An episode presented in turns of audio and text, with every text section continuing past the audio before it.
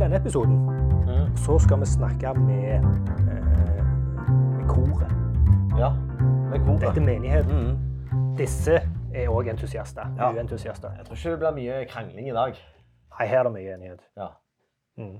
Hvem er det vi skal snakke med? Vi skal snakke med min eh, kollega Vegard Mm. og hans kone Mm. Cecilie. Eh, og de er, de er så, noe så unikt som et uh, UU-ektepar, Mm. eh, om en skal kalle det det. Ikke så mange av de, tror jeg. Nei.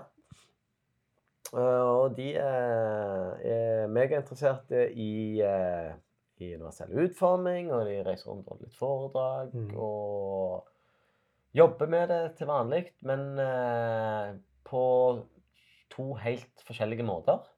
Ja. Mm, så, Skal vi si noe om det, eller skal det få komme fram? Nei, det får komme fram. Mm, så, Jeg kan jo nevne Ja. uh, at uh, jeg tuller det litt til. ja. Jeg klipper vekk akkurat dette hvis, uh, hvis det funker greit. Ja. Men hvis ikke, så kan det være det er litt dårlig lyd, eller ingen lyd, på uh, VG de første 20 minuttene. ja, Får vi se. det får vi se.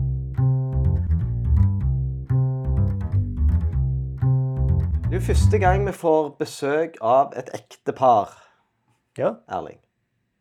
ja det er det. Det Nei, det er det ikke. Er det ikke? Nei, nei. Hæ? Bom- Bompibjørn. Ja! Herlighet. Det er bjørn. andre gang vi får Ja. besøk av et eh, ektepar. Ja. Hørte dere på ekteparet Bompibjørn? Jeg har ikke kommet til den. Nei.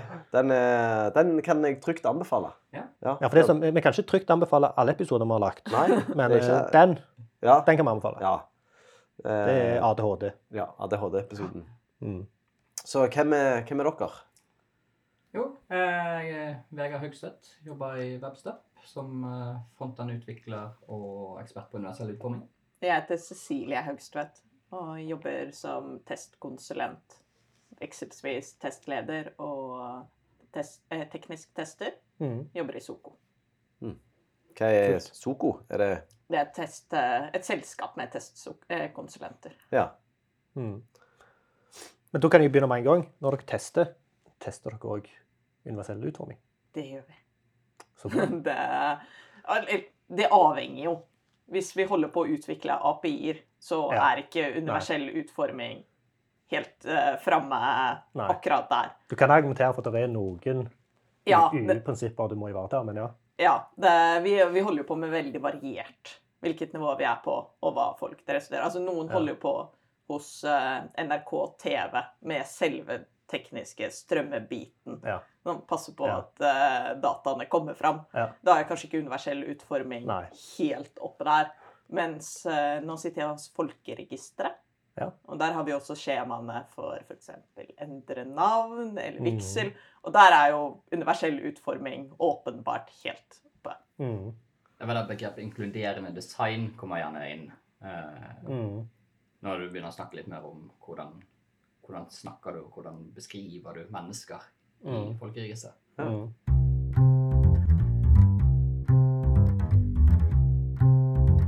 Må du oppgi kjønn i folkeregisteret? Ja, det må du. For det har vi akkurat eh, Eller Er det en heide potet, eller? Vi er vel eh, Vi vet eh, Akkurat folkeregisteret er ikke de som kommer til å ha størst problem med endringen. For nå har vi det prosjektet Eller det var et prosjekt på modernisering av folkeregisteret. Ja. Det er ferdig. Folkeregisteret er modernisert. Ja. Trenger aldri moderniseres igjen. Ja. ja, så nå er det, nå er det Jason. Det er feltet kjønn. I Norge så er det lagt opp til at du er mann eller kvinne. Nå Ja. kommer det noen fra andre land som flytter til Norge, og som har registrert kjønn ukjent. Ja. Fordi deres land aksepterer at du trenger ikke å være mann eller kvinne. Sant? Eh, Da må vi innrømme at da er du Vi gir deg verdien ukjent, Mm. men sånn som det er nå, så sier jo fødselsnummeret om du er mann eller kvinne. Ja, sant. Ja. Eh, sånn at vi må Så rigid. Ja, vi må vekk fra den. Ja. Fordi vi kan ikke tildele deg et, eh, et tall som ikke er partall eller oddetall. Nei. Så vi må få, vi, vi må få verden Kanskje et desimaltall. ja, Vi må få verden til å akseptere at uh, det tallet ikke lenger indikerer kjønn. Ja, sant. Så, så det, er den, eh, det er litt mer resten av verden, da. Men, Men- men og, så det er internasjonalt? Den oddetall-partallet? Nei, Nei, den er norsk. Ja. Ja. Eh, Men så lenge folk har det, så kan vi på en måte Vi kan lagre og si Ja. at OK, du har verken kjønn mann eller kvinne. Du har et Mm. tredje kjønn. Men veldig mange rundt vil bare se på fødselsnummeret ditt og Mm. se Ja, men der, ja. Partall. Ja, da har vi definert deg. Ja, ja, ja. Det høres ut som en spennende utfordring. For at du sa inkluderende design. Ja, Ja. altså eh, For da er det det du, du snakker om, sant? Da snakker vi om den type, ja. Ja. Det var også en runde på medmor og eh, litt sånn dere hadde en tilbake, tid tilbake. Hva du sa Medmor. Medmor. Hva er det? Det Altså, er eh, hvis eh, du er kvinne, du er gift med en kvinne, og dere velger å få barn. Ja, sånn, og du vil være, ja. ja. vil du ja. være registrert. ja som, som eh, mor og medmor. Ja. Ja, skjønner. Ja, vi hadde en runde gående. Vi hadde feilregistrert ved adopsjon. Så du har mor og medmor og far og medfar. Medfar finnes ikke. Medfar. Du er far og far. Ja. Hvorfor finnes ikke medfar? For da er det ikke adopsjon. Eh, For da er det surrogatmor? Er det det? Nei? Ja, Det er grunnen til at de introduserte medmor. Og det er jo liksom den, litt den diskusjonen om trenger vi egentlig å ha begrepet medmor. Fordi vi har far og far. Ja. Og det går an å være mor og mor, for hvis du adopterer, Ja, ja. så er det jo to likestilte kvinner, og ingen av dem har en spesiell rolle. Ja. Ja. Um, men medmor er egentlig for skille mellom hvem er det som fødte barnet, og hvem er det som ikke fødte barnet. ja. Mm. Og så er det et spørsmål om er det så viktig Jo, men du kunne jo sagt det samme på far òg, at det er far som har bidratt til denne fødselen. Ja, det er ikke så viktig for folkeregisteret. Nei, OK. Nei. Så det er far og far. Ja.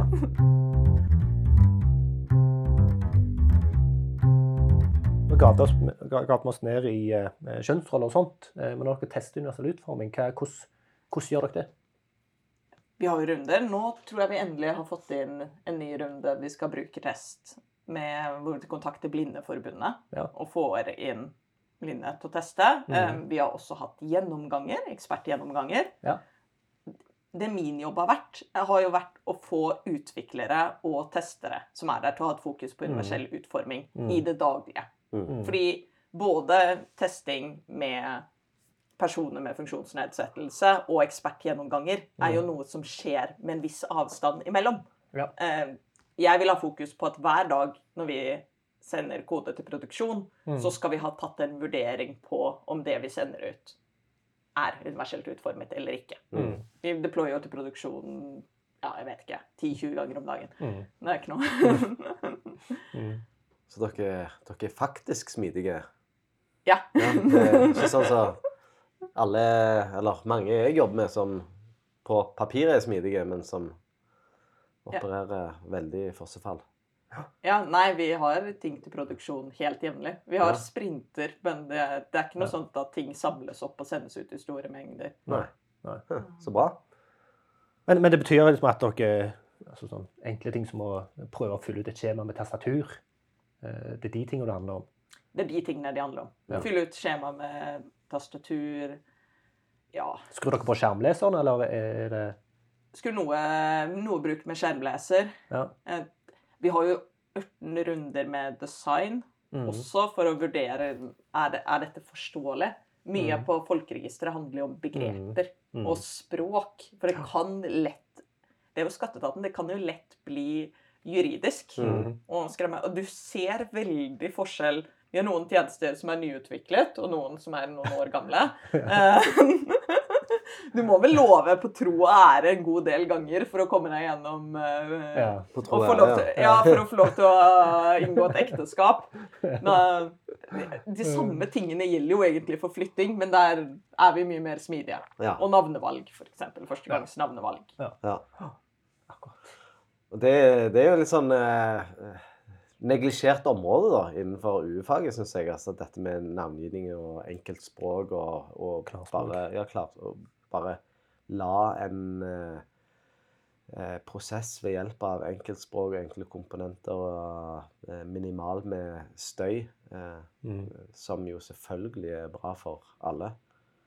At eh, en, det er litt lett å snakke om, om de Om de som har funksjonsnedsettelser eller lignende. ja, og, og men klart, mm, hvis du får med deg veldig god eh, brukervennlighet som en eh, som en grunnmur, da, så er jo alt enklere for Mm. de med funksjonsnedsettelser. Ja, det skal sies at den ene Vi hadde en oppgave hvor det var, det var vel egentlig universell utforming av navnevalg, men det endte jo opp med å bli redesign av navn. For det, det var der de kom. Det Ja. var bare OK, men mesteparten av disse feilene vil jo bli løst hvis vi nå tar oppgaven og bare går over til den nye designløsningen og bruker de komponentene og gjør Ja. det arbeidet vi har tatt. Så det ble endte opp bare OK, greit, vi redesigner den. Ja. Og da fikser vi samtidig.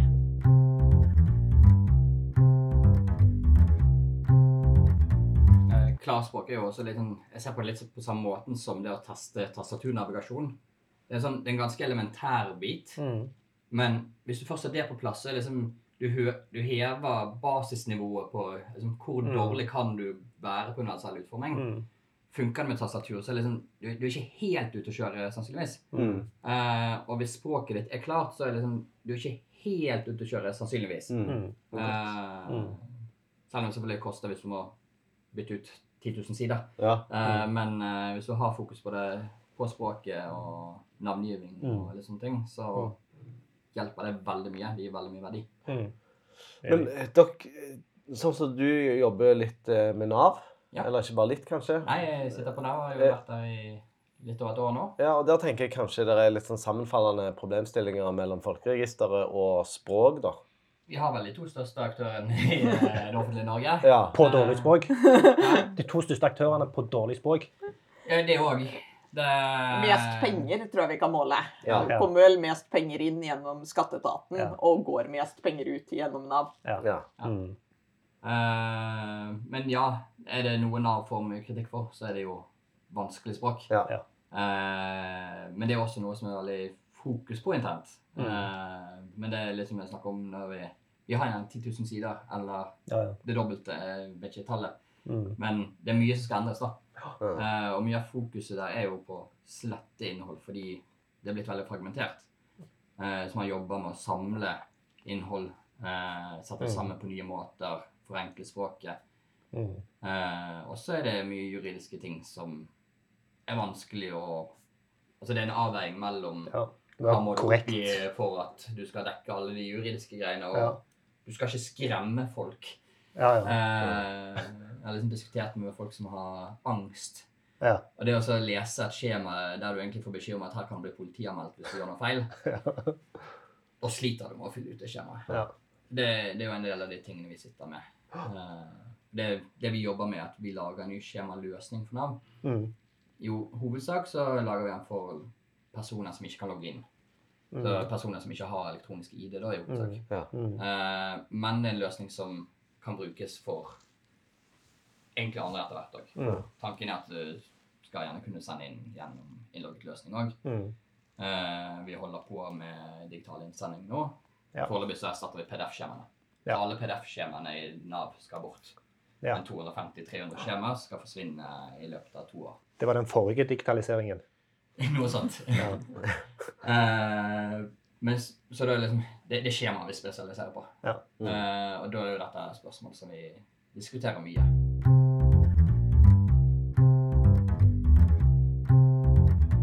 Har dere noen sånne saker som dere har tapt, som bare er helt opplagte? Dette er eh, innbyggerfiendtlige begreper. Altså sånn Altså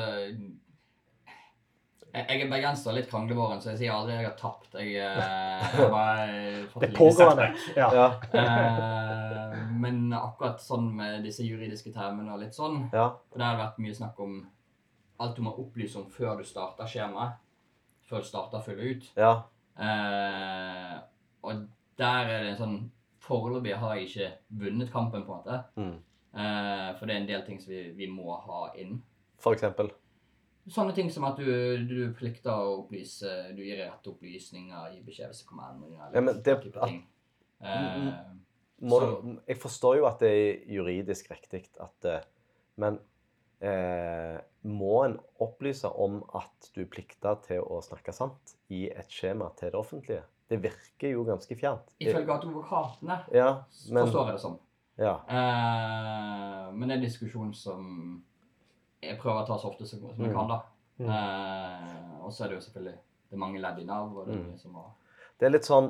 Hvis du har eh, dårlige intensjoner da, Mm. og kommer inn og skal fylle ut et skjema, så får du en beskjed. Du er plikta til å være ærlig. Og ja, da endrer jeg mening. Da skal jeg, ja, okay, greit, da skal jeg gjøre det. Det blir litt sånn Har du sett Ja, men- de der skiltene som står langs veien? 'Ikke lov å kaste søppel her'. Ja. Sant? Hvis du har dratt ut fra huset ditt og har tenkt å finne en landevei der du skal bare få det vekk, ute av syne, ute av sinn, og så kommer du til et sånt skilt, og så tenker du Nei, jeg tar det med meg hjem igjen. Ja. Det, det er litt samme Det er samme nivå. Jeg har Det samme hatt, dem ned hatt det på universitetet. Um, da jeg var studert i Minnesota. Det var en som kommenterte. For det var en informasjonskampanje. De var kjempefornøyd. De hadde satt opp i en nasjonalpark som Mm. eh, var et sånt eh, Ikke ta med deg steiner hjem fra nasjonalparken. Ja. Eh, folk tar med seg tusenvis av steiner hjem hvert eneste Ja, ja. år. Det er, det er et stort problem. Ja. Eh, men problemet er jo at du har nettopp fortalt folk akkurat hva de skal gjøre. Ja, Det er mange, mange For de hadde ikke tenkt på å ta med steiner før de så skiltet. Nei, det er sånn, det er sånn. Dette er jo et godt sted, da. Liksom. Ja, ja. Oh, skal du ikke kaste søppel her? Nei, for det er kanskje ikke så mange som oppdager hvis du kaster søppel her. ja, ja. Ja. Ja, ja. Ja. Ja, disse steinene her de må være noe spesielt med. Kanskje de går an å selge dem på eBay etterpå. Men, men dette her med å, å love, eh, å love at du skal svare sant Jeg husker når jeg sendte inn min første næringsoppgave, var vel i 2006 eller noe sånt. Eh, så var jeg sykt nervøs. Eh, For jeg var jo ikke Jeg var så sikker som jeg kunne være på de tallene jeg fulgte inn. Jeg gikk gjennom, jeg fram og tilbake. Åh, jeg er ikke sikker på den. Regnte og regnte og regnte. tenkte OK, nå er jeg klar til å trykke send inn. Og så kommer det spørsmål etterpå. Jeg lover at jeg kommer etter beste evne har fylt inn eh, tallene. Ja. Eh, og det var sånn, Hadde den kommet først, så hadde jeg Ja. slappet mye mer av. Bare sånn, Jeg lover at jeg etter beste evne kommer til å fylle ut disse tallene, eh, korrekte tall. Eh, men den gjorde at jeg slapp helt av. For at jeg hadde jo definitivt etter beste evne prøvd å fylle inn de rette tallene. Da kunne jeg ikke bli tatt for noe. Nei. Kraften til Det er mikrotekster. Ja, og det var bare den lille ekstra. Mm. Etter beste evne. Ja, Det var bare var bare bo. Ja, fint. Åh, da slapp jeg av. Hadde jeg bare sendt inn, hadde stått jeg lover at jeg har fylt inn rett tall, så har jeg sendt den og hatt liksom mild angst Ja. sikkert flere år etterpå at jeg skulle få noe bokettersyn eller et eller annet. Det er nettopp det folk har. Men jeg skal ta med meg den. Uh, Ja. Ja, er etter beste evne. Ja. Ja. Jeg husker også jeg holdt på med en næringsoppgave. Eh, og jeg grua meg i ukevis i forkant Ja, ja. hver gang det der kom. Og, Men fordi at jeg følte meg så ubrukelig, fordi at jeg forsto jo ingenting. Nei, Altså, det det var var jo. Det var sånn sj- Ja. Så jeg fikk meg regnskapsfører ganske fort. ja, det er bare å Og jeg burde kanskje ikke måtte gjøre det. Det burde ja. kanskje være enkelt nok. Ja. Og så tror jeg ikke det er så mye liksom at du må love å gjøre det, som i å opplyse om at det er et lovverk her. Ja. Ja. Altså, du skal ikke lyge til staten. Mm. Ja. Det, det er et lovverk, og det er mer sånn sørge for at den som fyller ut skjema, vet at dette her er viktig. Mm. Det handler nok mer om det enn altså, Jeg tror ikke Nav på en måte trenger det at du lover så mye til de, Mm. som det at Nav trenger å vite at de har kommunisert til deg at dette er viktig. Mm. Eh, men der er vært- språk veldig viktig. Eh, og det å formulere seg på en måte som ikke skremmer folk, er noe som vi foreløpig ikke er gode nok til å teste på, men som er noe vi Mm. Men jeg ser jo snakker mye om, da. Av og til så tror jeg det trenger å fikse lovteksten. Ja. Fordi Der hvor de sier at ja, men loven sier spesifikt. Hvorfor, hvorfor må vi ha dette her, men ikke der? Men det er sånn, jo, men fordi den loven sier det. Og det, er jo, det, det var jo en del de måtte gjøre med folkeregisteret. De måtte jo faktisk endre noen lovverk. Mm. Fordi ellers så gikk det ikke. Mm. Det, og det var jo aldri intensjonen til politikere. Nei, nei. Politikere som tenkte Ja. at det var det de skulle ha, og så har man likevel endt opp med lover som er litt upraktiske.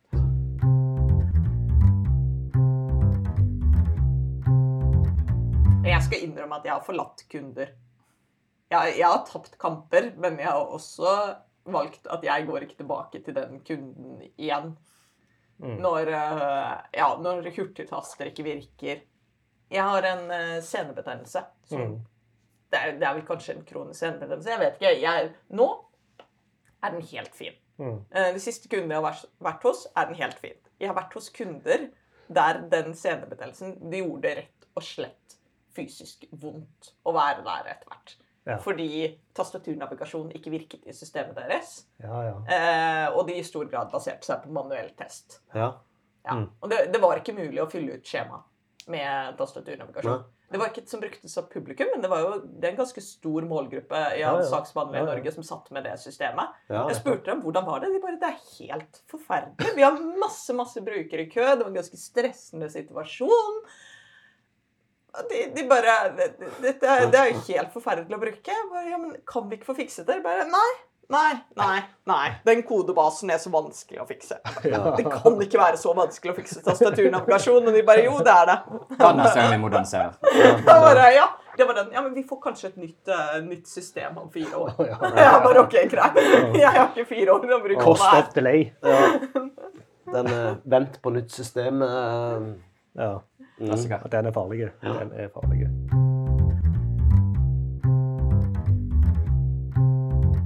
Jeg har jo vært hos Nav før, forresten, som konsulent. Ja.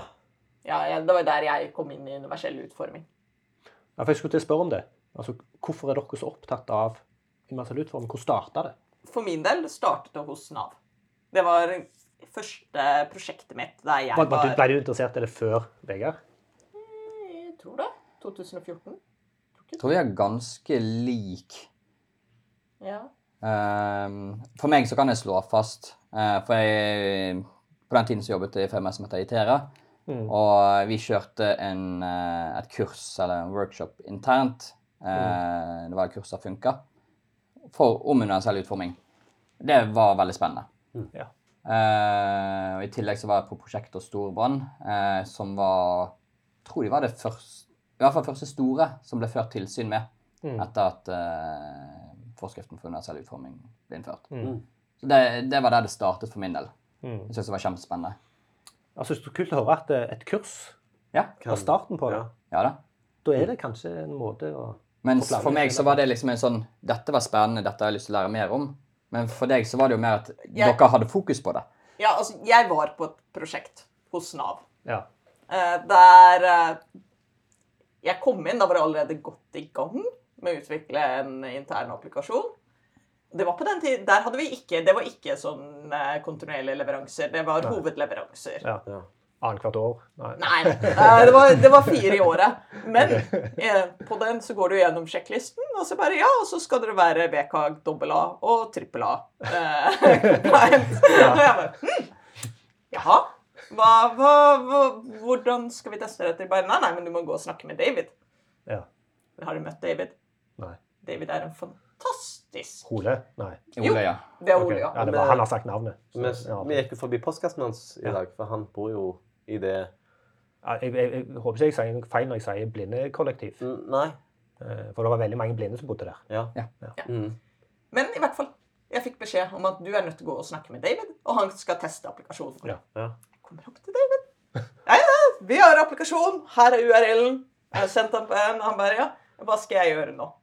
Oi, virker ikke tastaturnavigasjon? Du, du skal ned til den ruten og bare, kommer ikke det? det var, han er veldig hyggelig å snakke med, men det var jo åpenbart at, eh, ja, ja. Feila med en gang. Det var ikke sjans. med en gang. liksom. Ja. Det, det var ikke, Han kunne ikke tabbe ned til første feltet, så det var liksom ned til de andre. og bare, Dette, dette går ikke. Ja, ja. Men det må faktisk fungere med tastaturnavigasjon. Og så var det jo Vi ble jo veldig godt kjent. Det var veldig mange runder opp dit. Eh, Etter hvert så begynte å merke når det var noen utviklere bare, åh, Hvorfor skal vi igjen fokusere på dette? Jeg bare Jo, men du skal bli med opp. Så hver dag så var det sånn OK, greit, men når vi har en uh, ny runde med test her, Ja. så må utvikleren faktisk bli med opp. Nå skal du se hvordan vi holder på med skjermleser. Kom tilbake. Det er jo grusomt. Man kan jo ikke bruke systemet. Hvordan kan vi, hvordan kan vi ha laget et system som er så vanskelig?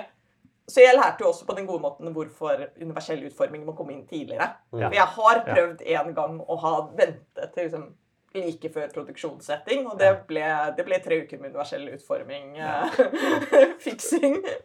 Ja, det, Så ja. Jeg tror det er forskjell på hvordan vi kom inn. Altså, Du hadde en veldig praktisk introduksjon til universell utforming. Du, eh, du jobbet med brukere som hadde behov for universell utforming.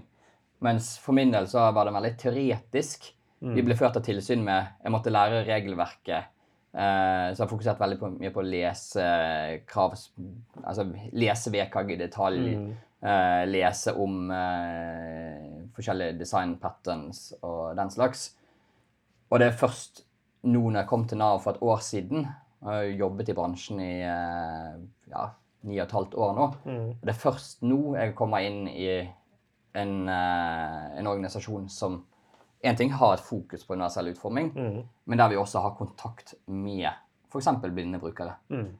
Det, det har jeg ikke vært borti Mm. i andre kunder jeg har vært hos. Mm. Det har alltid vært en sånn sak som jeg må kjempe inn, og jeg kan teste alt jeg kan. Uh, det er litt sånn uh, På engelsk heter det imposter syndrome.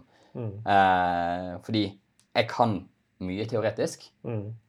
men samtidig så vet jeg at det jeg kan, er veldig begrenset òg fordi det er bare fra ståstedet jeg tester med noen verktøy og håper jeg har rett. Mm. Eh, det, det har vært veldig gøy å komme inn på Nav, da. Mm. Men er, du får utfordret dine egne på en teorier og påstander.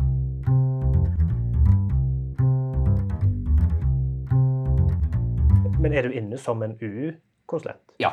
Jeg er Ja. inne spesifikt som en UU-konsulent. Ja. Altså, jeg er jo frontend-utvikler, Ja. men rollen min er spesifikt som UU-spesialist. Ja, det er jo gode forutsetninger for å kunne gjøre UU-arbeid. Ja, altså hele, hele prosjektet vårt ble startet for universell utforming. Ja. Eh, det at vi digitaliserer disse 250-300 PDF-skjemaene, Mm. er fordi vi egentlig er altfor seint ute. Mm. Eh, disse skulle jo vært universelt utformet 1.1. i år. Mm. Eh, og så var det da eh, noen av de som er på teamet i dag, som så at dette her er vi ikke i nærheten av. Altså, Ja. Alle disse her har vi glemt.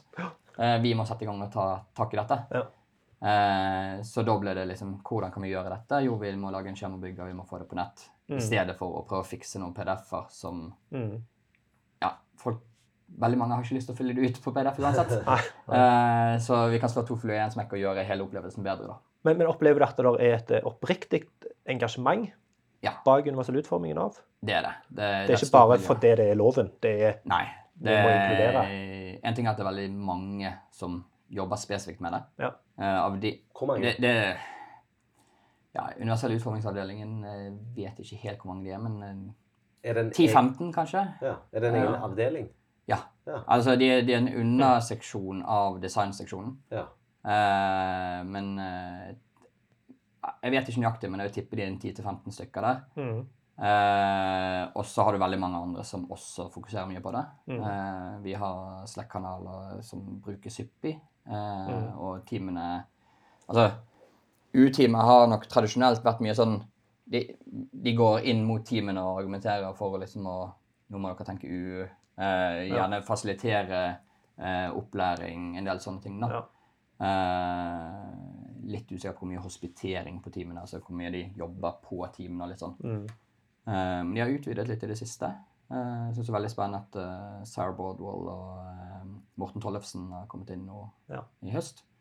Uh, Så det, det, det er veldig mye kompetanse der, da. Ja. Og jeg tror ikke du får lov å si Nav at universell utforming ikke er viktig. Det er liksom det, det, det Ledelsen har kjøpt inn på det. Ja. Det, det er et fokus.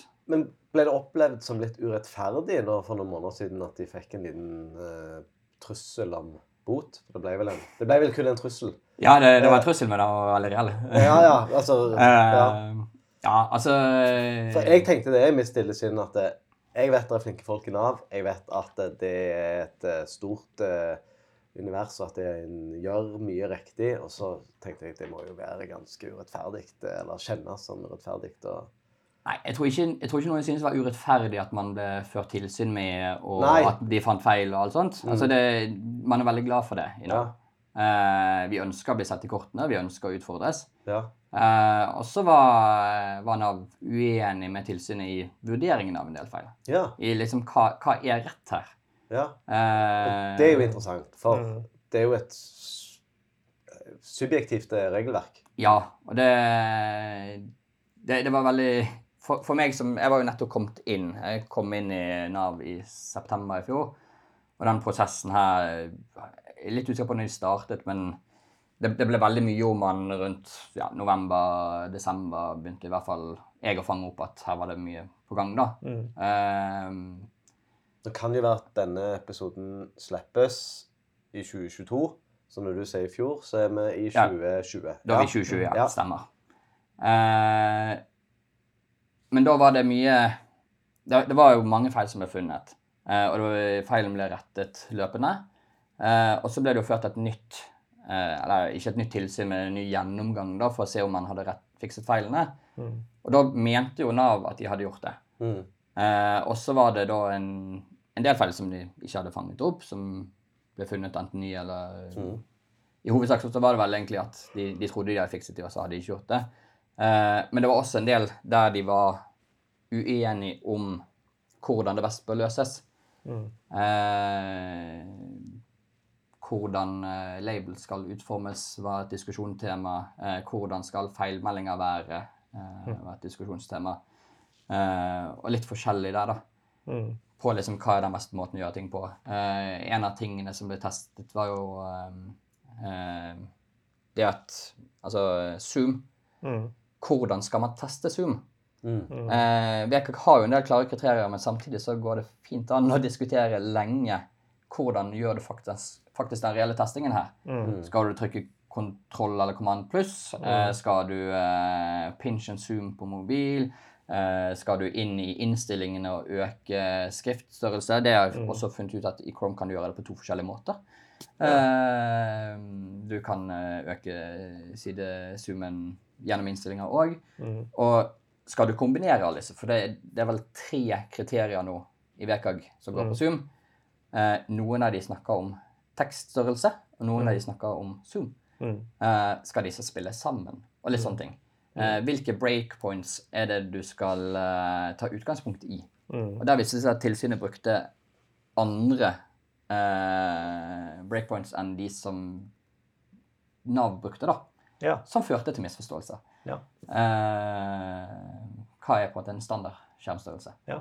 Så eh, her fikk vi jo Vi opprettet til og med en, egen, en ny kanal i, på Slack i Mm. Nav. Eh, Mm. for vi har UU-kanalen. Ja. Eh, og så opprettet vi U-nerds, for her måtte vi sitte og Og vi, vi, vi som virkelig hadde sterke meninger her, da, eh, kunne sitte og virkelig nerde oss om eh, hvordan skal vi forstå disse her. Og, Men dette er sikkert bra for, eh, for, eh, for det digitaliserings, digitaliseringsdirektoratet som ja, fører tilsyn. ja da, og det, Og det, det blir en god diskusjon med de, sant? Ja. Det, ja, man følte kanskje de var litt strikt på noen punkter og litt sånn. for Eh, men det det, nei, men altså noen av disse punktene, sant? er der hvor man var uenig. Mm. Underveis så kan man føle det, men samtidig så var de imøtekommende, og det var mulig å diskutere med de, og man hadde en god diskusjon der.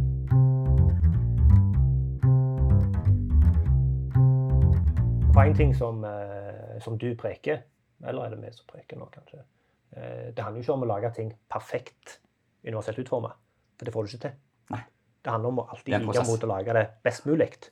Aldri å nå perfekt. Jeg tenker at en glemmer litt i disse diskusjonene da, om hva er egentlig forstørring. Er det sideforstørring? Er det tekstforstørring? Er det Nettopp. Og hva er brukernes behov her? Ja. Hva, hvordan bruker de det reelt? Ja. Liksom, Da må man liksom huske på to ting, tenker jeg. Én, spesifikasjonen er skrevet lenge før dagens nettlesere. mm, Og to, en må tenke på intensjonen bak. Eh, så lenge det er en mulighet i eh, den mest brukte nettleseren, som heter Chrome, å gå inn i innstillingene og sette opp teksten der, så må vi respektere det. ja, vi må støtte det. Vi må støtte det. Ja. Det er ikke noe å diskutere. Jo, men det funker med PageZoom. Jo, men det, det var ikke det denne brukeren her ville. Nei. Mm. Så det, Eh, det er nettopp det. Eh, men det er liksom hvordan skal disse spille sammen? Hvordan skal, og hvordan skal vi faktisk få teste at vi klarer å følge kravene? mm, at dette faktisk vil fungere for brukeren. mm. Der ble det gjort mye diskusjoner. og jeg på stående fot nå husker jeg ikke nøyaktig hvordan vi konkluderte. Mm. Men eh, det var liksom om å gjøre å finne, finne testkriteriene her, da. Mm. Hvordan skal vi faktisk gå inn og teste, sånn at vi kan være sikre på at dette kravet har vi oppfylt. Mm. Eh, det syns jeg var veldig spennende. å være med på. Mm. Jeg lærte i går, da. For jeg var, jeg var hos storbarn i går. Ja. Eh, og bare det du sa om eh, at det er to mulige måter i Chrome å sette tekststørrelsen. Men på iPhone, da, så har du eh, tre måter å sette størrelse på. Eh, for du kan gå inn i, i eh, eh, innstillinger på Safari. Så kan du gå inn på OS-innstillingene dine. Og så kan du gå i eh, tilgjengelighetsinnstillingene på app-nivå. Og òg sette Mm. tekststørrelsene.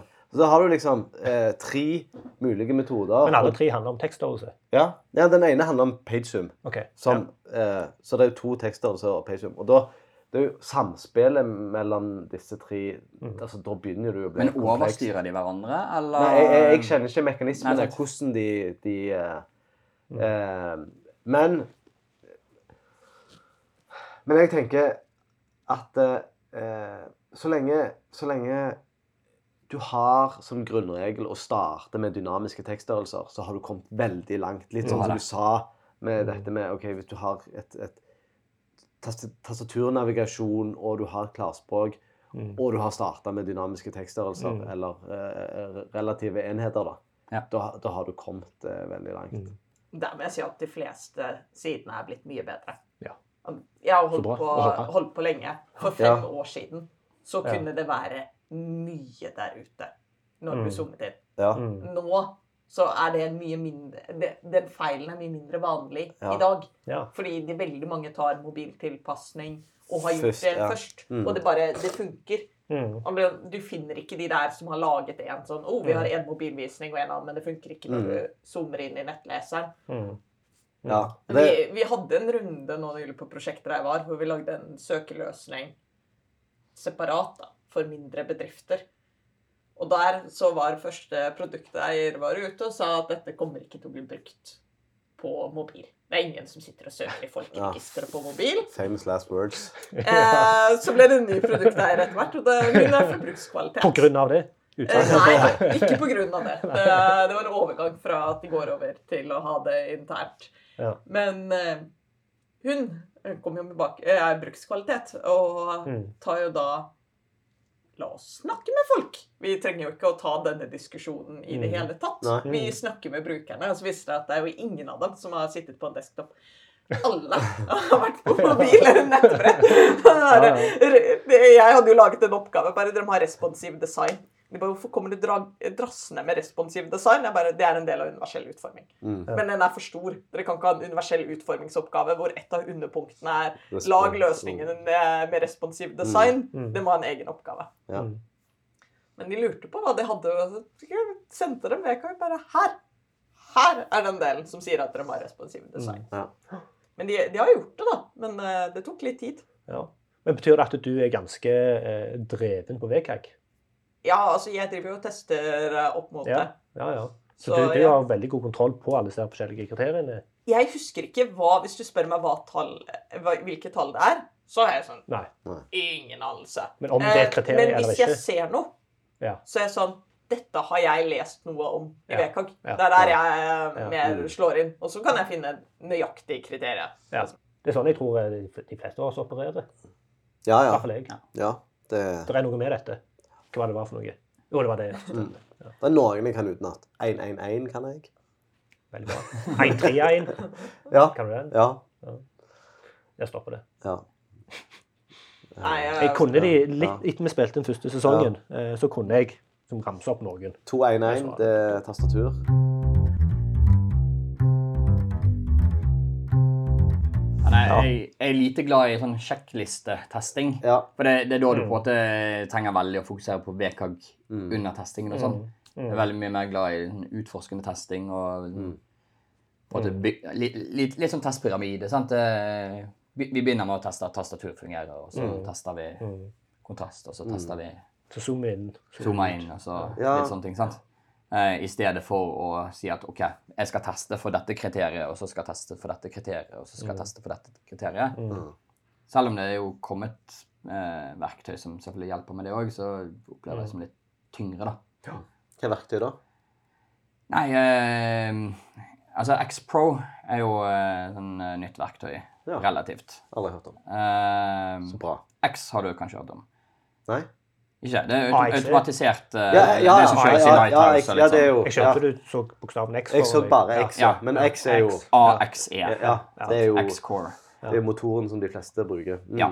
Eh, men de har laget eh, sånn intelligent guidet eh, testverktøy. Eh, som er en Det er vel et betalverktøy, i hvert fall du skal ha alle guidene og litt sånn. Men der kjører den først X på siden din, og så deler han inn etter typer innhold og litt diverse. Eh, og for hvert Og så sier han liksom har jeg dette innholdet på siden, eller har jeg ikke det. Han finner en, mesteparten av det automatisk. da. Mm. Ja. Eh, og så guider han deg gjennom for å teste, og han spør deg gjerne, da. Sånn at du sjøl skal sitte der og vurdere Ja. f.eks. all tekst på bilder.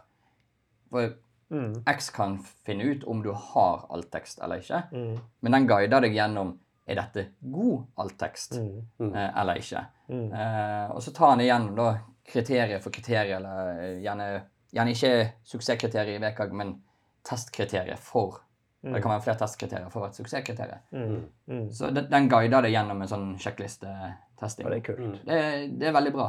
Eh, men, Men det det, er jo som, som du sier, det er én måte å det teste er én på. måte å teste på. Ja. Mm. Eh, og hvis du skal ta en sånn Skrive under på at dette systemet her, nå kan vi gå ut med det, på en måte, eller en, eh, Ja. en statussjekk som du kan kjøre jevnlig, og sånn, Ja. så er det veldig fint. Mm. Men du kan kanskje ikke kjøre den for hver commit du skal dytte ut. Nei.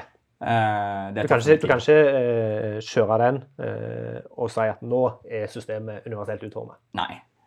Eh, selv om den, altså, den kommer veldig nær. De, de lover veldig mye med det, da. Ja. Eh, X har jo begynt å love mye mer med bare basic X òg, hvor mye de fanger opp. Ja. Tradisjonelt har man jo sagt at automatiserte verktøy tar 25-30 til det. Mm. Eh, nå tror jeg faktisk de lover over 50 med X. Ja. 57 eller noe rundt der, tror jeg jeg har sett. Mm. Mm. Men med X eh, Pro, så hvis ja, Ta tallet med en klype salt, men det er i, i området rundt 70-80 De hevder at de skal kunne ta med det. Når du er så delaktig i den testingen, da er det ikke fullautomatisk, da er det jo halvautomatisk. Ja, det, er en, det er en sånn halvautomatisk. Ja. Du plukker opp litt sånn Du får det beste av begge verdener. sant? Ja. Uh, han finner veldig mye, mye automatisk, og så der han ikke klarer å finne ut av sjøl, så Mm. spør han deg. Mm. Det, er- det er et veldig bra verktøy, men uh, det er jo betalversjoner. Men det er det helt sikkert verdt. Jeg vet ikke hva det Men- koster, men Ja da. Men jeg har, jeg har brukt den. Eh, Jeg bare hørte X. Ja, ja. Ja. Men, men jeg brukte den i beta, men da var den veldig ustabil. Så Ja. jeg, ja. Jeg eh, prøvde også beta, og så eh, For jeg, jeg vurderte Jeg har ikke betalt for den ennå, men jeg, eh, jeg vurderte den på nytt nylig, da. Ja. Så de har en sånn prøveperiode på 7 eller 14 dager. ja. Så jeg har prøvd det da Han virker ganske stabil. De har fått det mye mer integrert i utviklerverktøy og litt sånn. Ja. For jeg opplevde det var ganske vanskelig under betaen. Du måtte inn på en egen side og Mm. litt sånne ting. Mm. Eh, min oppfattelse er at det er et veldig bra verktøy. Jeg har brukt en eller Accessibility Insights, da, som jo er det samme, men langt ifra så smart, Ja. egentlig, som X. Det virker som om det er et større satsing, eller det er mer satsing på det verktøyet. Det, Ja. De vil nok noe De, de har jo DQ bak seg, Ja. sant? så de, de har et selskap som tjener penger Mm. og som finansierer dette her. Og så er det jo veldig tungt inne i Det, det går- pågår et sånn standardiseringsarbeid på uh, testregler og sånn um, Mm. Hva det heter da? ACT. Uh, accessibility Conformance Testing Rules, eller et eller annet sånt. Ja. Som DQ står bak. Nei, de står ikke bak det, men de er veldig tungt involvert i prosessen. Uh, altså, det er en VTC Det, det, det Ja. kjøres gjennom samme Ja, okay. som uh, VKG, da. Mm. Samme systemet. Men det er jo Det er alltid mennesker bak som Mm. står bak disse standardene. Eh, og der vet jeg eh, folk fra X uh, tungt inne. Ja. Mm. Og eh, gamle Difi, eller Digitaliseringsdirektoratet, nå har vel også folk involvert der. I hvert fall tror jeg det var på et tidspunkt. Ja.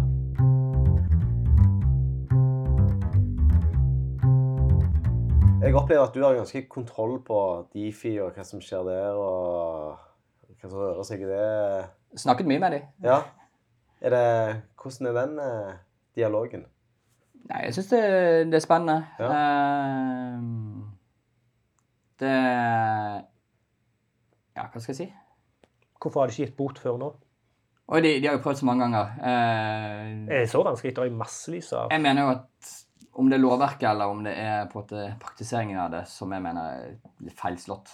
Ja. Ja. Sant? Eh, for det, vi har et regelverk som sier at du skal følge visse krav, Mm. men du har så mange muligheter til å fikse i etterkant.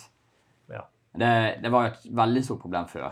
Eh, det er blitt bedre fordi Digitaliseringsdirektoratet eller Difi har strammet inn. Før så fikk du jo Du kunne sette din egen frist på å fikse. Ja. Så du kunne egentlig bare la være å bry deg om uh, universell utforming i det hele tatt. Og så hvis de kommer og fører tilsyn, så kan de si at oi, eh, jo, vi, eh, vi setter i gang og fikser, men eh, du, jeg trenger et år på å fikse deg. Ja. Ja. Eh, og så eh, bruker du det året, og så Hvis du da fremdeles ikke har kommet i mål, så får du jo en For da, da lyser det jo ut. Eller sier at eh, ja, de, de truer det da med hermetegn Ja. eh, om at du kommer til å få dagbøter. Ja. Men da skal du ha 14 dager på å fikse det. Mm. Og så sier de at OK, du klarte ikke det, og så får du ti dager til etter det. det, det var et eller annet sånt. Så det, det var så mange utsettelser, du hadde så mange sjanser. Mm. Nå er det jo kortet ned til at du får tolv uker oh, ja. fra rapporten Ja. Ja. er ute til å fikse det. Jeg skulle ikke bare gitt bot med en gang. Dere har Jeg vil jo si det, fordi altså, etter regelverket så skulle og eksisterende systemer skulle vært uh, universelt utformet 1. januar. Ja. Mm. Så det er sånn, blir du tatt, så burde du fått en bot. Ja. Og så kan man ha dagbøter på toppen. Ja, for ellers kan du bare sitte og vente og vite at du får tolv uker uansett. Fikse det det. de finner. Ja. Du trenger ikke å bry deg. jeg tror jo mange har jo gode intensjoner, men jeg tipper Ja. også en del spekulerer i det. Mm. Eh, og det er i hvert fall Universell utforming blir ikke tatt nok på, på, eh, på alvor, da. Nei. Uh, det hvis ikke Altså, vi, vi har et uh, regelverk rundt personvern og cookies. GDPR. GDPR. Ja, Der trues med 20 millioner i bot hvis du blir tatt. ja. ja. Det, det er ikke sånn at hvis du, hvis du bryter loven der, så får du mulighet til å fikse det. Nei, nei. det. Du har gjort en feil. Du får straff på det, og så Jeg du fikse. husker, jeg husker jeg var, var ute hos en kunde da. Jeg bare husker hvordan de omtrent sprang i gangene for å få det der på plass. For de var så redd for den boten. Ja. Ja. Men det skjedde jo så mye plutselig. Altså, jeg også husker, jeg jobba da når det sto på som verst, som stor kunde. Og Mm. jeg opplevde, det var nok ikke reelt, da, men at alle de Mm. 600 i bedriften jobbet med personvern plutselig. Ja. Altså det var, Det det var Mm. full fokus på det. Ja, og det, det funker. Selv om at- det selvfølgelig har eh, avtatt en hel Ja. del, eh, så tror jeg det funker veldig godt. Ja, ja. Eh, Og nå snakker jo folk om personvern i, i møter. Ja. Da trenger vi egentlig denne dataen? Mm. -hmm. Hvordan kan vi være GDPR-compliant her, folkens? Altså, jeg, jeg jobber jo med test, Ja. og Ja. testdata har vel vært tidenes Ja. GDPR-brudd rundt omkring. Ja. Og jeg husker hvor vanskelig det var. Jeg tenker at jeg husker første gang jeg kom på et system. Jeg lurte på hvilket personnum, hvordan, hvilket personnummer jeg skulle teste med. De bare Du kan jo forsøke ditt eget. Og jeg bare Hva er dette for noe? Eh, jeg husker jo den følelsen og reaksjonen. Men jeg hadde mange, og det var kamper jeg tapte. Ja. Ja. Den kampen om at Hva med at vi ikke dumper hele produksjonsdatabasen inn i testet, hvor vi har null sporing og Ja, ja. Og det, det var jo en tapt sak. Det var ikke mulig. Alle bare Ja, men det koster altfor mye, og syntetiske data er kjempedyrt, og bla, bla. Og så kom GDPR, Ja. og nå så er folk bare Ja, vi har syntetisk folkeregister. Vi Ja. ikke og tester på produksjonsdata. Ja. Hvor mange bor i det syntetiske Norge? Over en million. Oi. Vi bor i eh, Test-Norge. I Test-Norge? Hva heter Test-Norge? Metabørs. Ja, det er Metaverse. Ja, vi, vi har vel eh, det systemet som sørger for at de gifter seg og flytter og dør, er synotopia. Synotopia. Synoto- Heter det faktisk det? Jaha, det er Synotopia! Så kult. Så det, vi har et eget uh, miljø der ja. endringer skjer. Der man kan søke på Ja. Tenor. Er, det, eh, er, det, er alle dataene eh, datagenerert? Det starter da med en De har laget en syntetisk grunnbefolkning. Mm. Og så har de, har de hatt maskinlæring, som har sett på hvilke hendelser de som pleier å skje. Og så skjer det. Ja, Så har det jo vært litt opplæring, for det er noen av de som bruker det, som bare Ja, men vi har, vi har 20 testpersoner. Nå døde en av testpersonene våre. Beklager. Det, det er Ja, det er skikkelig kult, da. Går det an å bli litt lei seg hvis du har jobba med den testpersonen ganske lenge? Det er simulert i personnummeret og Ja, Fins det bilder? Det er ikke Kanskje. AI-genererte bilder? Vi har dessverre ikke bilder. Men vi har, eh, vi har navn. Det er adjektiv, substantiv. Det er mest for Ja. å hjelpe oss. Ja. Ja. Eh, Det er en intern sak at vi Mm. ønsker ikke at noen legger inn en person i testmiljøet som har et, eh, navn no, sånn. et navn som høres realistisk ut en gang. Ja. Fordi vi vet ikke. Det Mm. kan jo være at noen ved et Mm. uhell har lagt inn persondata. Ja. Så vakker blomst er da Mm. typen. Eller sprudlende juletre. okay, så, eller ja, Vi det så, hvis, så hvis sprudlende juletre dør, så, så trenger du ikke gå i den der uh, metabegravelsen. Nei, Nei. du slipper det. Nei, det var kult. Det, ja, det, Det er sånn, fun fact jeg skal ta med meg. ja, dette er sånn Nå ble jeg litt glad. For det er Synotopia. sånn, Synotopia. Ja. Det er en, sånn, en arbeidsoppgave som er, er veldig fjernt fra folks normale liv. Sant? Noen har jo sikkert ansvar for dette Synotopia. Absolutt. Eh, og, og det å, å jobbe med det Ja, jeg er, jeg er sjef for det fiktive Norge. eh, folkeregisteret. Det er en rolle som jeg ikke visste eksisterte. Du kan søke om tilgang til eh, Tenor. Du må få tilgang, men da kan du søke opp og finne testdata Ja. og bruke. Mm. Det, ja, ja. Det er lagt opp. Det er, det er jo via folk- et API, liksom. Ja, det er et eget søkegre- brukergrensesnitt hvor du kan si at hei, jeg har lyst til å finne en person som er født i 1985, er gift og har åtte barn. Og så Ja. hvis det finnes, så jeg returnerer det. Her har du en person. Ja, det er kult. Folkeregisteret har jo lyst til at alle andre også skal Mm. bruke eh, fiktive data. Vi holder på å få med oss Altinn, at de skal få lest inn de, og da kan Mm. man jo etter hvert begynne med Altinn-innlogging på Mm. de personene. Men kjønna da på de synotopia Synotopia. Syno... Ja. Ja. Er det, det er to kjønn? Det er, der Ja, er det det er- Ja, men du, du kan Ja, det er der vi har gått, da. Du, du kan ha kjønn ukjent. Ja.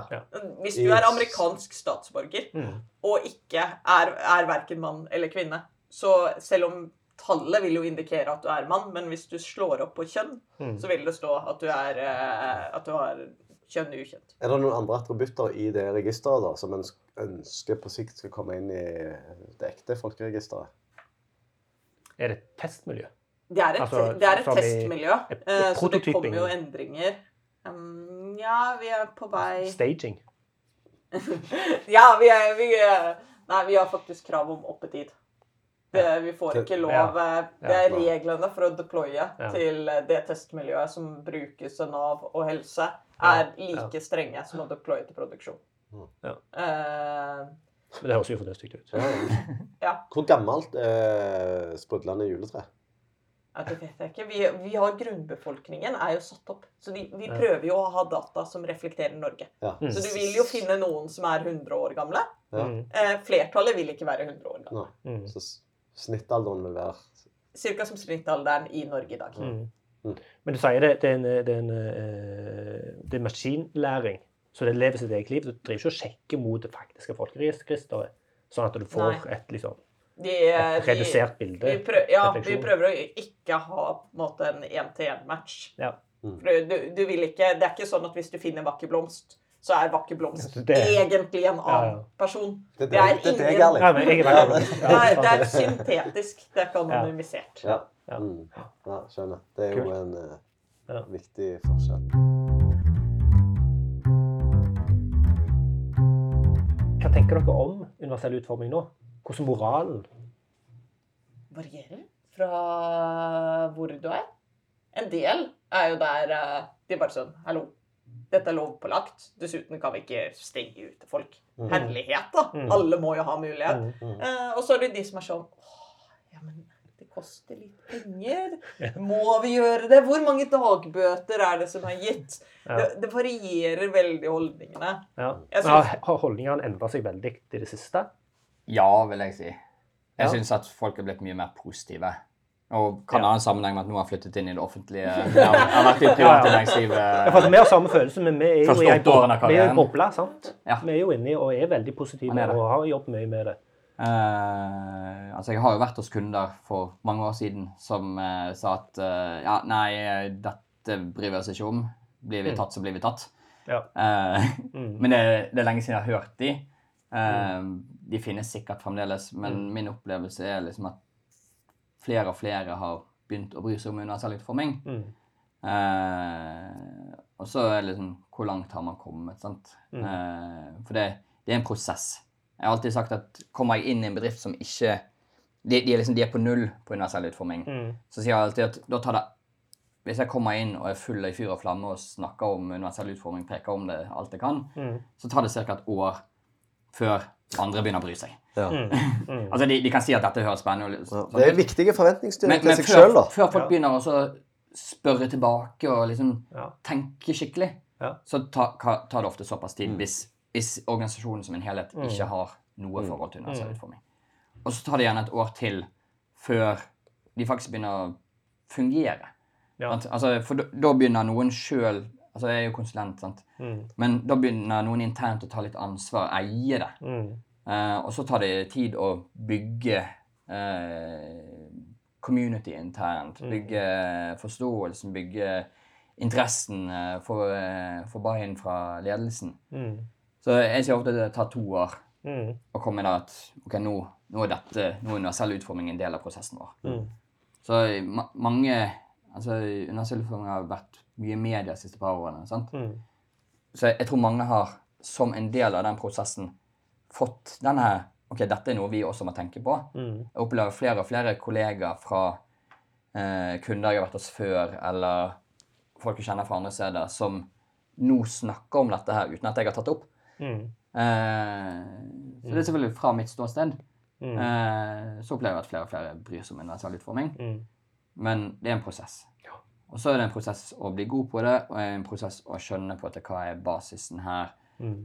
Eh, og vi har forskjellen på det å vite hva du teknisk skal gjøre, og det å begynne å tenke at ja, men det, det er ikke det å følge noen lovpålagte krav og eh, altså den det, det er ikke pisken som er det viktige her. Det vi skal bry oss om mennesker og litt sånn. Den kommer jo til å ta tid før, før alle har den holdningen. Mm. Eh, men jeg opplever at det, er blitt bedre. Mm. Helt klart. Ja. Det er positivt universell utformingsmiljø i Norge nå. Ja, ja det, vi har jo samme, samme opplevelsen. Og jeg tror andre Anders hadde godt av å høre to år. Ja, det hadde jeg godt av å høre. ja, for jeg Ja. husker du var inne på et prosjekt i tre måneder Ja. og var litt frustrert etterpå. Liksom, hva, hva, skjedde egentlig? Endra ingenting. ja, det er sant, To år det. trenger Ja, du. ja. ja. Jeg er tre jo måneder. Jeg er nok ganske utålmodig, så jeg fikk et, et viktig slag i trynet der, Vegard. Takk. Jeg, jeg kan jo si at altså, jeg, jeg er sjelden stort mer enn to år i sekundet. da. Ja. Eh, jeg har ofte likt å bytte ofte. Ja. Eh, første halvåret mitt av karrieren hadde fem prosjekter. Ja. Jeg pleier ikke å være så lenge. Lengst jeg har vært tror jeg, to og et halvt år. Ja. Det hø- høres veldig dyrt under, da. ok? Hvis jeg som eh, Bedriftseier. bedriftseier hører på dette nå, og så bare åh, vi, vi må snart ta et tak her. Ok, Vi må ha en konsulent inne i to år før Nei, prosessene begynner å sitte. nei, for det er nettopp det jeg skulle frem til. at Ja. Det er ikke det. Uh, altså, en ting er at Du vil ikke leie meg inn for å bare sitte der og preke om universell utforming. etter, Ja. sant? Altså, Jeg er som regel inne som en uh, frontend-utvikler. Mm. Og så er det det at jeg jobber i kulissene. Ja, den- Eh, men ofte så har jeg vært inne gjerne i et prosjekt i ett år eller ett og et halvt år. Mm. Og da har det tatt det første året før jeg merker at andre folk begynner å fatte interesse og snakke litt om det. Og litt sånn. Mm. Og så har jeg gjerne gått ut av prosjektet, fått med et nytt prosjekt. Eh, og jeg har flere eksempler der jeg har gjort det. Uh, det, liksom, det var kanskje begynt å røres noe idet jeg gikk ut. Mm. Ofte en sånn eh, nå, nå er kontrakten sagt opp enten fra kundens side eller min side. Eh, nå skal jeg ut. Mm. Og så er det noe sånn Oi, ja, men hvem, hvem skal holde i dette nå? sant? Ja. Da begynner noen å snakke om dette. Mm. Eh, hvordan skal vi gjøre dette? Og så var jeg liksom Når jeg da går ut, og så er jeg ute Jeg har vært ute igjen et halvt år eller et år etter det, og så treffer jeg igjen noen, og da er det sånn Vi jobber mye med dette, men kunne du kommet tilbake igjen og så lært oss litt? For det, vi vet egentlig ikke hva vi driver med. Mm. Eh, eller vi, vi Mm. trenger å bli bedre på dette her. Mm. Eh, er vi på rett vei? sant? Mm. For, for da, da er det en da, da har de tatt de to årene. Mm. Men de, det siste året der kan, du, kan de helt fint klare sjøl. Og jeg tror nok også at så lenge du har liksom preket nok, så trenger det ikke være det et år før Bayern er der. Mm. Men det tar en tid å kverne på dette. Mm. Men hva, når, når du da preker, eh, hva er den mest effektive retorikken?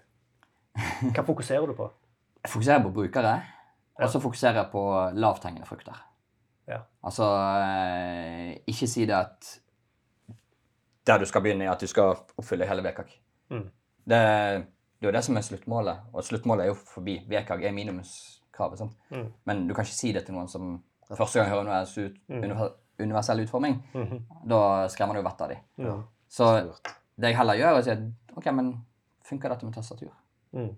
Hva kan vi gjøre for å gjøre det bedre? Mm. Eh, Og så stopper du der. Og så Er Ja, det kanskje den første Er det- tingen. La oss ja. ta dette først. Eller kanskje si Skal jeg gi en liten intro til på en måte topp fem eller topp ti på ting som vi bør se etter? Mm. Ja. Uh, eller her er noen verktøy som du sjøl kan bruke for å teste litt. Mm. Uh, og da si at liksom OK, skjermleser er viktig å teste med, men det er ikke der du skal begynne. Mm. Det er ikke der vi begynner nå. Mm. Eh, vi, vi må begynne med å sørge for at vi får en grunnmur her. Mm. Det er litt sånn Cecilie snakket om når hun kom til David, og. Det var ikke mulig å gjøre noe. Det var ikke vits i at han Mm. testet, Mm. for det funket ikke. Mm. Vi, vi, må, vi må komme forbi det, på. Mm. Det, det er en knekk, og det, opplever at det er mye lettere å få folk med hvis, hvis de har konkrete ting som de kan se på. Noe Noe, de skjønner, noe som er nærmere det de kan sjøl. Eh, og gjerne noe verktøy, fordi man syns gjerne det er gøy å kunne, kunne gjøre noe. Mm. Her har jeg fått noe som jeg kan bruke som jeg ikke visste om fra før. Du har fått ny kunnskap. Mm. Tror vi har veldig forskjellig tilnærming. Ja. Ja. Nei, altså jeg har jo jobbet en del hos offentlige. Ja. Uh, og der er det jo ute egentlig etter å vite er dette godt nok. Ja. Uh, har vi tilfredsstilt kravene? Så der kommer de gigantoppgavene. Ja. Og det er bare Jo, Mm. men alt dette her må fikses. Liksom, men er dette Må vi Ja. Ja. Alt dette må fikses. Og så spør de er alt like viktig. Jeg bare, nei, altså Hvis du tar VK, hvis du liksom spør er det like viktig Her har vi et krav om blinking. Det kan jo drepe en person med epilepsi. Eh, la, oss, la oss være klar, liksom. Det, det, det fins jo en intern vurdering. Jeg synes- sier alltid liksom, Dere har lyst til å ha tastaturnavigasjon Ja. først. Men uh, her er det gjerne store oppgaver med Ja, det, dette er det vi må fikse. Jeg skal Mm. innrømme at jeg pleier aldri å anbefale dem å teste med skjermleser. Mm. Eh, generelt sett. Mm. Jeg forteller om opplevelsen min med Sira. Mm. At det er Du kaster bort tiden, tiden til andre. Mm. Hvis dere ringer Blindeforbundet og får dem til å komme hit, og det ikke funker med tastatur. Mm. Da, da har jeg Mm. dere må fikse de grunnleggende tingene her. Altså, hvis, du, liksom, hvis, du får en, hvis du har en liste, og du vet det er så mye ting Ja. Dere må fikse det først. Og så ringer du og får inn brukere. Ja. Og det er jo sånn, Vi kjører jo brukertester på andre òg. Folkeregister sånn en spesialmetode. Vi bare ja, vi vil ha en person med duftnummer. Det. Hæ? Duftnummer. Intern ting. Eh, hvis du er hos UDI, så har du et nummer Hæ? hos UDI. Et Ja. DUF-nummer. Ja. En person som, norsk person, Mm. født i Norge, sånn, vi bare Hæ? Hva er et DUF-nummer? Aner ikke hva et DUF-nummer er. Hvis vi hadde spurt noen her som har innvandret til Norge hva Ja. et DUF-nummer er, så alle sammen et nært forhold til duftnummeret sitt. Ja. Når vi ber om sånne ting, så får vi andre grupper Ja. som kjenner, og får inn de på testene. Ja. Så det er mitt, mitt råd er vi har visse ting, og det må vi fikse først. Mm. Og så kan vi heller starte med brukertestene Ja. Mm. og de tingene etterpå. Ja. Og så kjører jeg den stegvise hva er lurt å teste. Det er mer når de bare legger til små ting. Når vi Mm. har store skjemaløsninger ute, så holder det på en måte ikke Det, Mm. det må jo fikses. Mm. Det må jo ryddes opp i. Mm. Og så kan du ikke bare få ny funksjonalitet hvis vi ikke har uh, Hvis ikke det er universelt utformet. Så må, så må vi ta det punktet. Mm. Men jeg ser forskjellen på Ja. saksbehandlingssystemer. For Hvis du spør er det motivasjonen er det, er det lov, eller Mm. er det en indre motivasjon om å inkludere folk? Det er jo, det er jo et ærlig spørsmål. Ja. Mm. Er kanskje litt mye lovgivning. Ja. Mm. Det ser du på de interne systemene. For jeg har Mm. fått mange ganger spørsmålet må intranettet vårt være universelt utformet. Mm. Og det er jo sånn svar ja, vi bryr oss om personer som trenger universell utforming, men vi har helst ikke lyst til at de skal jobbe i bedriften vår. Mm. Mm. Det er jo egentlig det du Ja. sier. For, for ikke snakke om saksbehandlingsløsninger, liksom ver intern verktøy. Ja. Det er nesten ofte Vi vil helst at dette ikke skal være universelt utformet. Du, du skal ha mest informasjon inn på siden. Ja. Mm. Eh, du, du skal ikke ha stor tekst, store knapper, og sånn, fordi da får du plass til mindre på skjermen din. Ja. Liksom. Mm. Mm. Det merker det. En sånn greie der, ja. Nav er et hederlig unntak. Det Ja. skal de ha. Mm. Ja.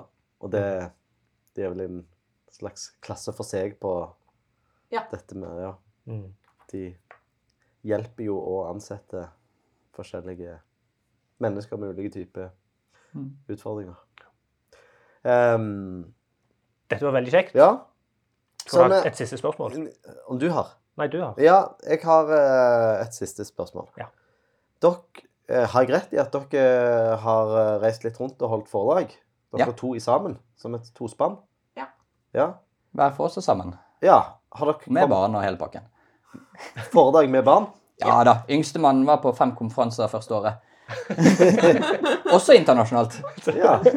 Eh, så eh, når våre kjære lyttere har lyst til å høre, høre mer av dere, hvor kan de få, få Jeg har en workshop om automatisert testing av universell utforming på Ja. Javason de, den dagen før Javason starter. Da, kan vi, da er det, Det- det og integrasjonstest. Hva tid er Nå sånn? kommer jo denne podkasten kanskje ut etter Javason, da. Så gå tilbake og se. Javeson? Javeson er om to uker. Da kommer jeg garantert ut eh, Ja. Men, Men, da er da det samme workshop eh, på Booster i Bergen i mars. Ja. i ja det, det. Eh, Booster i Bergen i mars. Da eh, Booster er fantastisk konferanse. Ja, Må jo bare skryte. ja du Ja. Der Ja våkna Kom på fram. Ja da. Det, det er i Bergen, ja. Eh, fantastisk konferanse. Eh, liten og intim med veldig stor andel som holder foredrag. Ja. Sånn at det er engasjerte folk, alle som kommer. Eh, Så du får veldig mye gode diskusjoner. Eh, så vi, eh, vi skulle jo begge to holde foredrag og workshop og sånn eh, ca. 18. mars eh, 2020. ja. Det var vel første som røk eh, når landet stengte. Ja. Eh, men nå er Bustad tilbake eh, i mars. I mars. Så Så eh, Cecilie skulle jo holde workshop, og jeg skal eh, holde foredrag om eh, prosjektet vårt på Nav. ja. Så det blir veldig gøy å Ja. eh, få dele om det. Mm. Er har dere en liten, liten smakebit om hva som kommer i foredraget? Ja, jeg har jo snakket litt om det nå, men Ja. det er snakk om da digitaliseringen av eh, 250-300 PDF-skjemaer og eh, universell utforming, rollen Altså testing eh, og fokuset der. Ja. Eh, og så på en måte eh, denne her sånn elevator pitch eh, Hva heter den? Heissamtale, eller? Ja. Ja. Mm. Heis, eh, heisintroen, eller hva du skal si. Lyn- Lynpitch. Lynpitchen Ja. eh, er det en diskusjon jeg hadde med noen fra eh, GDS, eh, Government Digital Services i Storbritannia, på Twitter for eh, ja, tidligere i høst. da. Eh, for de hadde litt samme problem som oss. De hadde funnet ut at eh, antall PDF-skjemaer i eh, staten i Storbritannia vokser med 6% i året. Og Da har de regnet på det, eh, og å digitalisere de eh, ville ta rundt 70 år. Ja. Så de lurte på om noen hadde et alternativ. så alternativet presenterer jeg eh, på Buster. Ja. Hvordan spare 70 år? Ja. Mm. Ja, nei, jeg har workshop.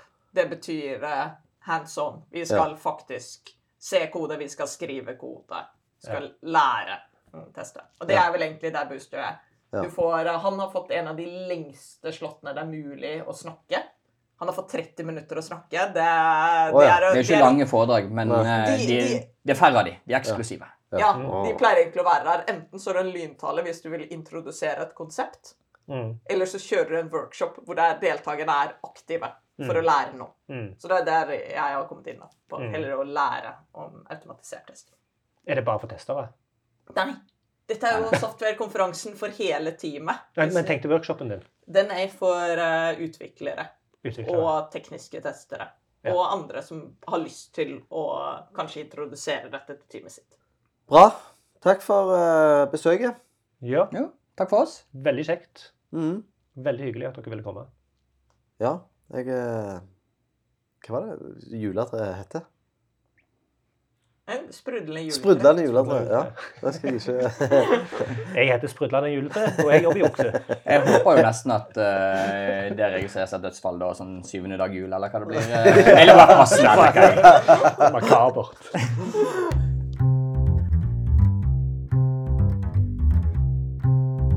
Nok en veldig kjekk samtale. Ja.